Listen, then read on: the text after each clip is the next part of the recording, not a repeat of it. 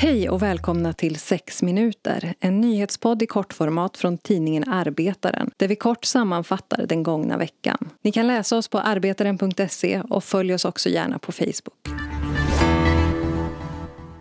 Trots 12 timmars dagar, 7 dagars arbetsveckor och uteblivna löner är restaurangerna Indian Garden med på hotell och restaurangfackets lista över arbetsplatser med schyssta villkor. Detta även efter arbetarens granskning. Men även facket Livs har gått i god för företaget genom att intyga goda villkor i företagets ansökan om arbetstillstånd. Nu i efterhand är Johan Claesson, ombudsman på Livs, inte nöjd. Men han säger samtidigt att utan att själva kontrollera företaget är det bara en koll om företaget har kollektivavtal.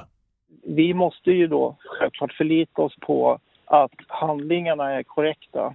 Jag, vi kan inte göra någon annan bedömning i den situationen. Hade jag haft ärenden på det här företaget med någon liknande situation som du berättar, ja men då kanske jag hade kunnat agera innan. Det säger Johan Claesson, ombudsman på Livs Stockholmsavdelning. På onsdagen godkände den polska regeringen den kritiserade abortlag som inför ännu hårdare förbud i ett land som redan har en av de mest restriktiva abortlagarna i Europa. Med den nya lagen är abort endast tillåtet vid våldtäkt, incest eller om moderns liv är i fara.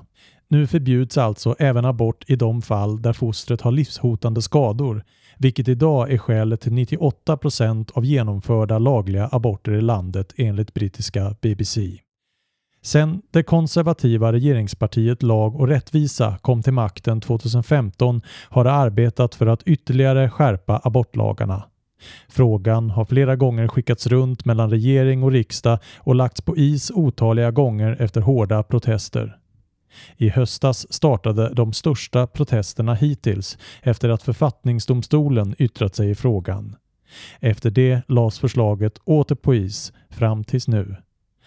Och när nu förslag om hårdare abortlag återkommer har reaktionerna återigen varit starka.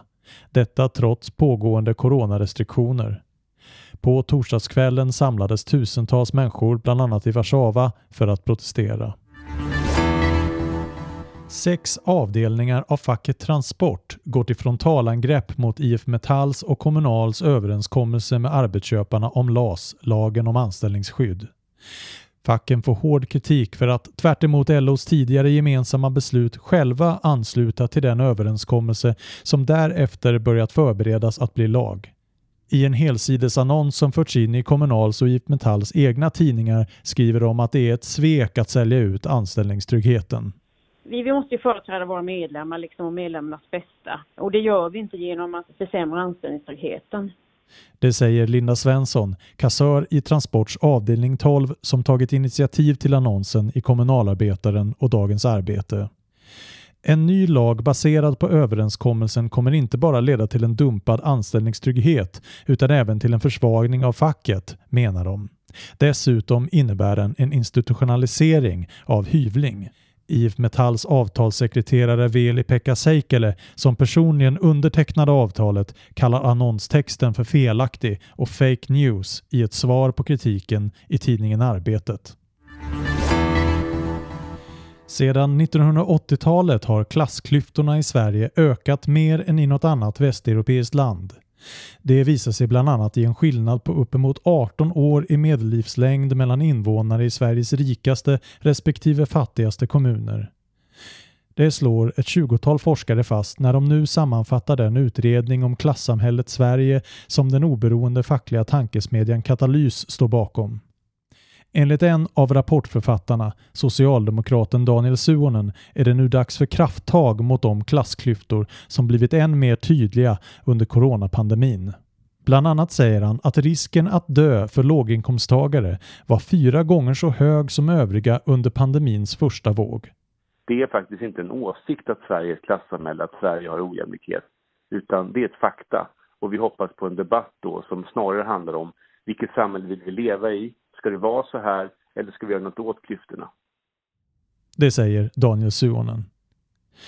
Ett svek mot arbetarklassen, det kallar Daniel Suonen den nuvarande utvecklingen och efterlyser klara och tydliga reformförslag från de rödgröna partierna och fackföreningsrörelsen. Han vill se en betydligt högre beskattning på de allra rikaste, pengar som därefter ska fördelas till välfärdssektorn och de med lägst inkomster. 11 av de 22 gruvarbetare som i Kina varit instängda under jord de senaste två veckorna har nu räddats. Det bekräftade lokala medier i staden Janati på söndagen. Under måndagsförmiddagen kom rapporter om att räddningspersonal hittat nio döda personer som varit instängda nere i guldgruvan efter en explosion den 10 januari. Arbetaren har tidigare rapporterat om olyckan i gruvan och hur den kinesiska gruvindustrin under årtionden fått hård kritik för sina omfattande säkerhetsbrister. Arbetet nere i de kinesiska gruvorna har ofta kallats för världens farligaste jobb och varje år omkommer tusentals gruvarbetare i landet. I veckans avsnitt av 6 minuter utgår sista ordet, men inslaget är tillbaka nästa vecka. Under tiden kan du läsa ledartexter och annat opinionsmaterial på arbetaren.se och förstås ytterligare aktuella nyheter från veckan som gått.